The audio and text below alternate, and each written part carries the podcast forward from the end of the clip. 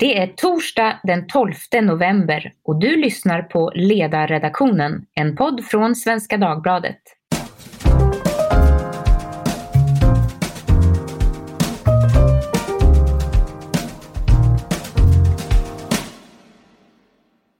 Jag heter Maria Ludvigsson och idag befinner jag mig i Vadstena vid Vätternstrand. Eh, och när man är här så kan man ju inte låta bli att tänka på heliga Birgitta som på 1300-talet grundade sitt kloster här, eller sin orden här.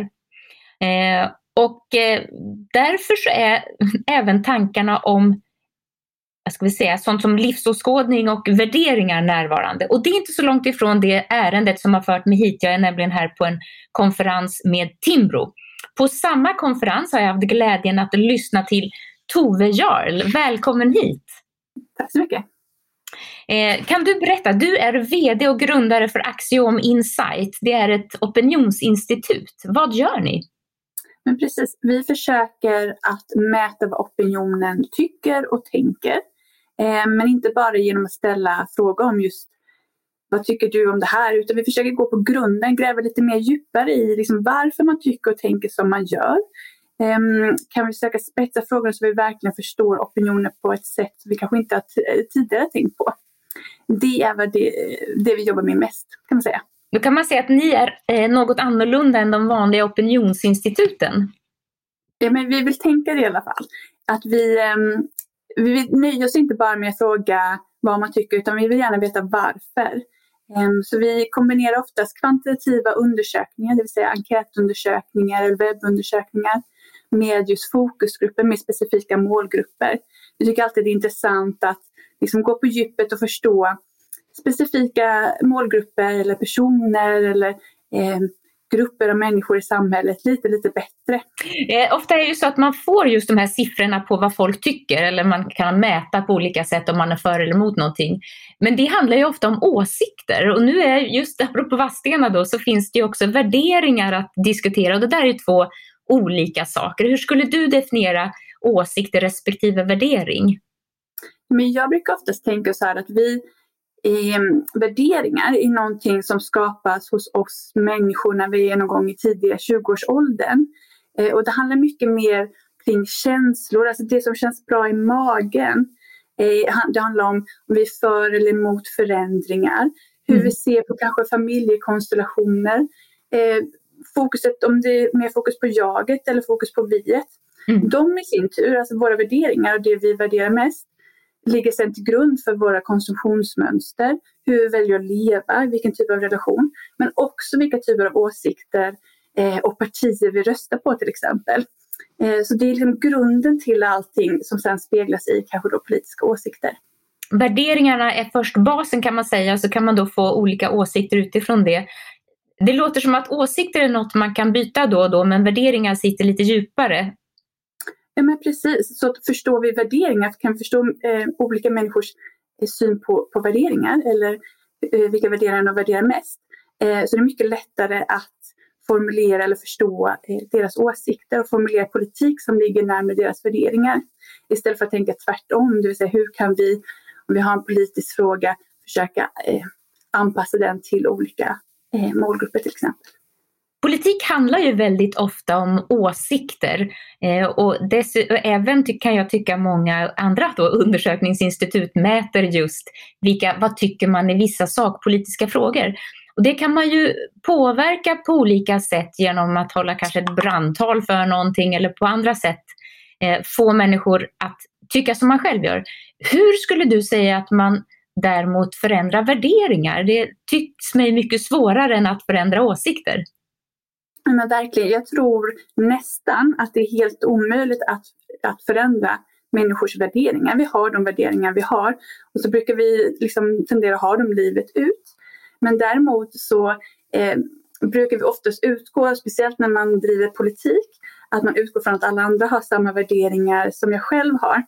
Så den stora utmaningen är när vi driver politisk påverkan är kanske snarare att ha en politisk fråga, en åsikt och tänka utifrån andra värderingsperspektiv.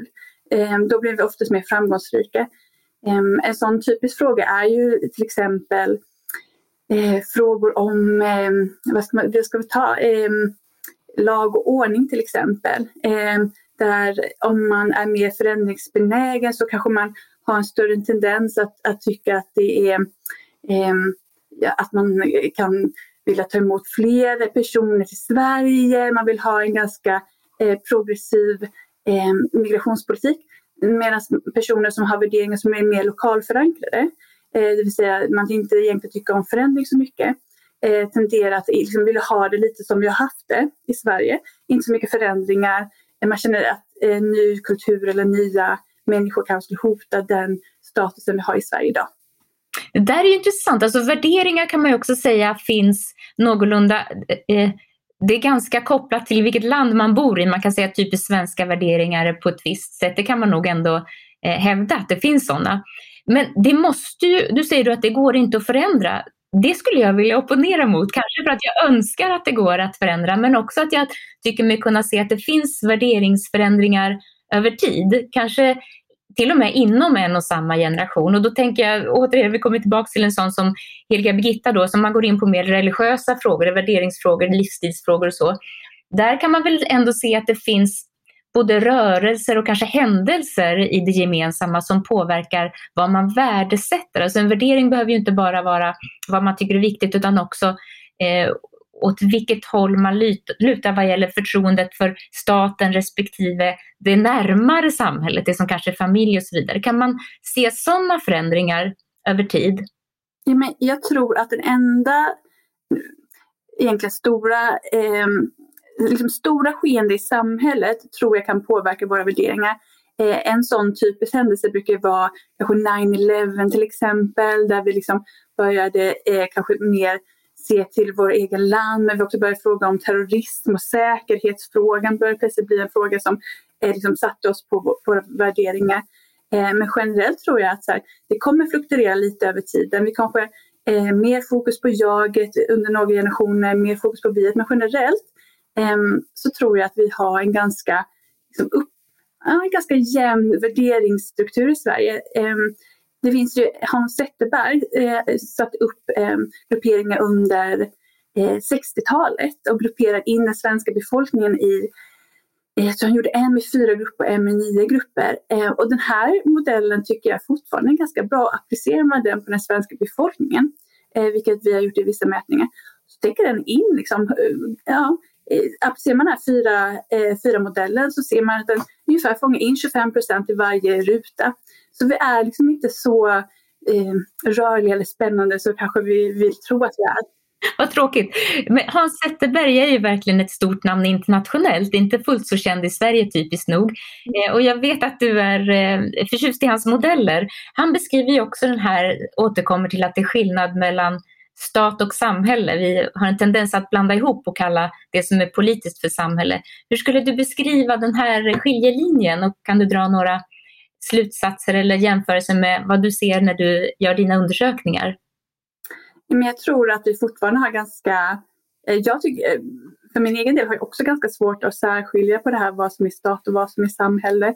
Um, och jag tror att vi kanske i Sverige till och med är lite unika på, på det mm. i och med att vi traditionellt har haft en ganska ska man säga, stark stat som hela tiden har påverkat vår um, samhällssyn.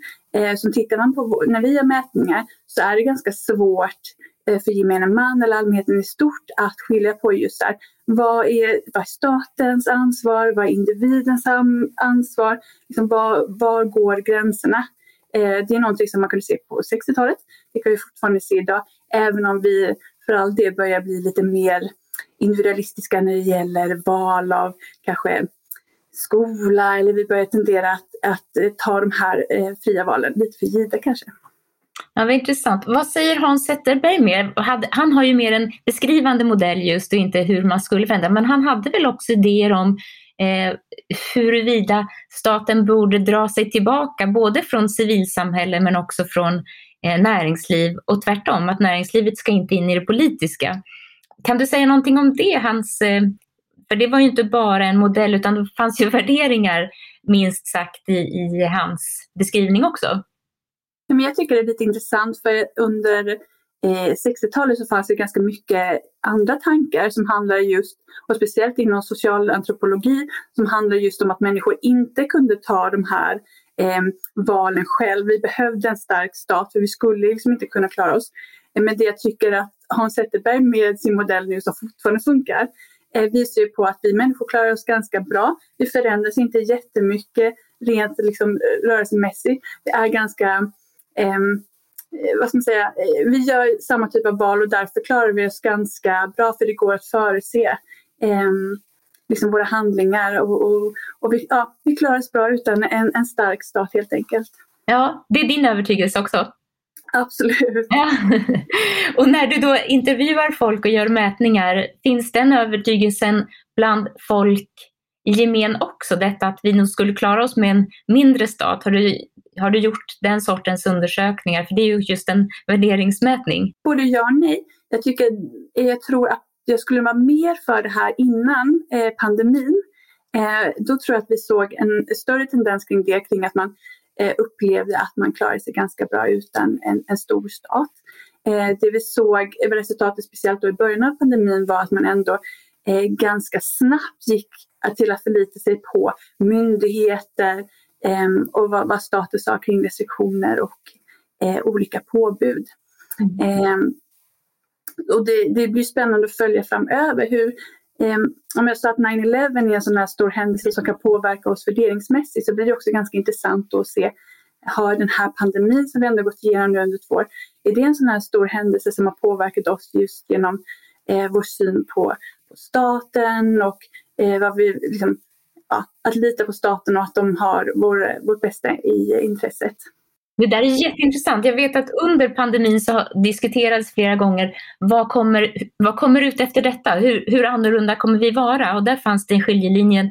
Eh, dels de som trodde att vi skulle ha andra värderingar till exempel. Jag tillhörde de som tror att människan ändras inte så lätt. Vi kommer snart gå tillbaka till det gamla vanliga och strunta i de gamla och ensamma i alla fall igen. Har du kunnat eh, göra några prognoser för vad som komma skall med tanke på vad, vad du har sett tidigare i tidigare undersökningar? Nej, men det jag tycker är intressant var ju att vi följde just, vi tog Hans Zetterbergs modell och applicerade den på den svenska befolkningen. Eh, och vad man såg innan pandemin var att vi ändå hade ganska många eh, som låg liksom ytterkanten, det vill säga som kanske var liksom extremvärderingar. Eh, det vi kunde se under eh, pandemin var att de här extremvärdena, våra extremvärden tenderade lite att eh, gå mot mitten, det vill säga vi hade inte några extremvärden riktigt. Ehm, och jag vet inte vad, vad, vad kan det innebära? Innebär det att vi liksom mer går till Origo, att vi har liksom samma typ av värderingsbas när det blir stora kriser? Eller handlar det bara om att vi inte kan tänka de här eh, liksom extremvärderingarna när vi är under hot? Eh, men jag tycker också det blir spännande att eh, mäta det framöver. Är det här någonting som kommer försvinna? Kommer vi framöver kanske ännu mer så här glada 20-talet vilja liksom ägna oss åt eh, ja, titta på liksom individualisten eller gruppen i samhället eller kommer vi bli mer förändringsbenägna eller eh, vill vi tillbaka till det gamla lokalsamhället? Det tycker jag blir spännande att följa. Det där är ju väldigt intressant. Just när du nämner 20-tal så tänker jag den, här, den förlorade generationen som var mellan de två världskrigen beskrivs ju också som att det var en period av värderingar som man inte fick tillbaka. Att det var verkligen förlorat och sen när det var efter kriget så kom 50-talet och mer av de gamla traditionella idealen där var det ju ett världskrig som förändrade värderingar. Men kan det vara så att det finns ska säga, ett kapital av värderingar som man tillförskansar sig under en period som sen händer det någonting stort så går det helt förlorat? Jag vill nog inte tänka det eftersom jag ändå tänker att vi har de här värderingarna, den här magkänslan som gör att vi känner om någonting känns rätt eller fel, att de är ändå ganska eh, bestämda. Eh, men det kan ju såklart, så här, utsätts vi för kris så, så tenderar vi liksom att omkullkasta allting som vi har tyckt var eh, normalt, det som vi utgår från innan. Så det, ja, jag har inga riktigt bra svar på det tror jag. Men det blir, eh, det är spännande att se framöver. Det är också den, ehm, det som hände då eh, i och med andra världskriget så blev man utsatt för någonting väldigt svårt och det visade sig då att man gick tillbaka till vad man kan säga någon sorts grundvärderingar, familj och liksom nära relations... Eh, kan man eh, tänka sig något sånt efter den här pandemin? Vi har ju haft en anledning att börja det kanske inte anledning, men det har i alla fall resulterat i att vi har blivit mer nationalistiska. Att vi ska, mm. Allting handlar om våra nationsgränser och det är ju från att ha varit en väldigt globaliserad värld och tagit det för givet så har det nu blivit ja, det är kedjor av varor som inte fungerar längre. Vi har blivit påminda om att det inte är självklart med globalisering och rörlighet. Hur kommer det påverka, tror du, vad man kan se, inte bara åsikter utan även värderingar då, och synen på omvärlden och Sverige i världen? Ja, men precis. Jag tänker också att vi har blivit mer påtagliga att vi är en del av världen. Men också då att vi har blivit lite mer nationalistiska i det att vi tänker att vi borde bygga upp eh, resurser. Vi behöver ha si så mycket toalettpapper eller ansiktsmasker för att kunna klara oss. Och det är viktigt att vi i Sverige eh, ser till oss själva innan vi hjälper andra. Men det är ju som sagt, det är ju mer kanske åsikter snarare än, än värderingar, de här nationalistiska åsikterna. Och frågan är, är det här en skugga som kommer och går? Eller är det någonting som kommer liksom sätta sig lite? Ehm, den här, just de här nationalistiska tankarna, det kan vi se både egentligen i alla de politiska spektrumen. Ehm, just behovet av att vi ska se till, till Sverige först finns liksom i alla politiska lägen. Så på så sätt så skulle man kunna säga att det kanske är någonting mer än bara en politisk åsikt utan kanske någonting mer underliggande. Men ehm, ja, jag är inte riktigt säker på vad som, vad som kommer ske framöver. Vad som väntar. Har du någon eh, idé om vad du helst av allt skulle vilja göra för undersökning? Du är lite styrd kanske av uppdrag och så, eller, men har du någon sån där som det här skulle jag verkligen vilja ta reda på, både vad gäller eh, åsikter och kanske värderingsförskjutningar? Ja, men jag tycker generellt att det är ju otroligt intressant att kanske mer gå på djupet kring hur våra värderingar skapas eh, vad det är som ligger till grund till varför vi, vi har de här ganska då solida värderingarna i Sverige. Är det någonting som um, påverkar oss tidigare, alltså under tonåren, i skolsystemet eller vad är det som, som gör att vi har de här eh, värderingarna? Det skulle jag tycka var superintressant att eh, gräva mer i. Eh, sen som sagt är det alltid intressant när vi kopplar de här värderingarna till skiftena i de politiska åsikterna och framförallt när vi kan också koppla det till de olika faktiska politiska partierna och se deras rörelse i värderingar. Ehm, det är alltid intressant att följa. Ehm, det är en sån här typisk sak som man, eh, man skulle kunna göra under eh, valet. Eh, se just här vad man röstar på och liksom var man ligger värderingsmässigt. Mm. Det hoppas jag kunna göra. Det vore väldigt intressant. Just med värderingar och du var inne på Hans Zetterberg flera gånger. Hade han någon modell för hur var värderingar kommer ifrån. Men religionen är ju närvarande även om vi är väldigt sekulära i Sverige. Finns det någon sån förklaring till varför vi har de värderingar vi har?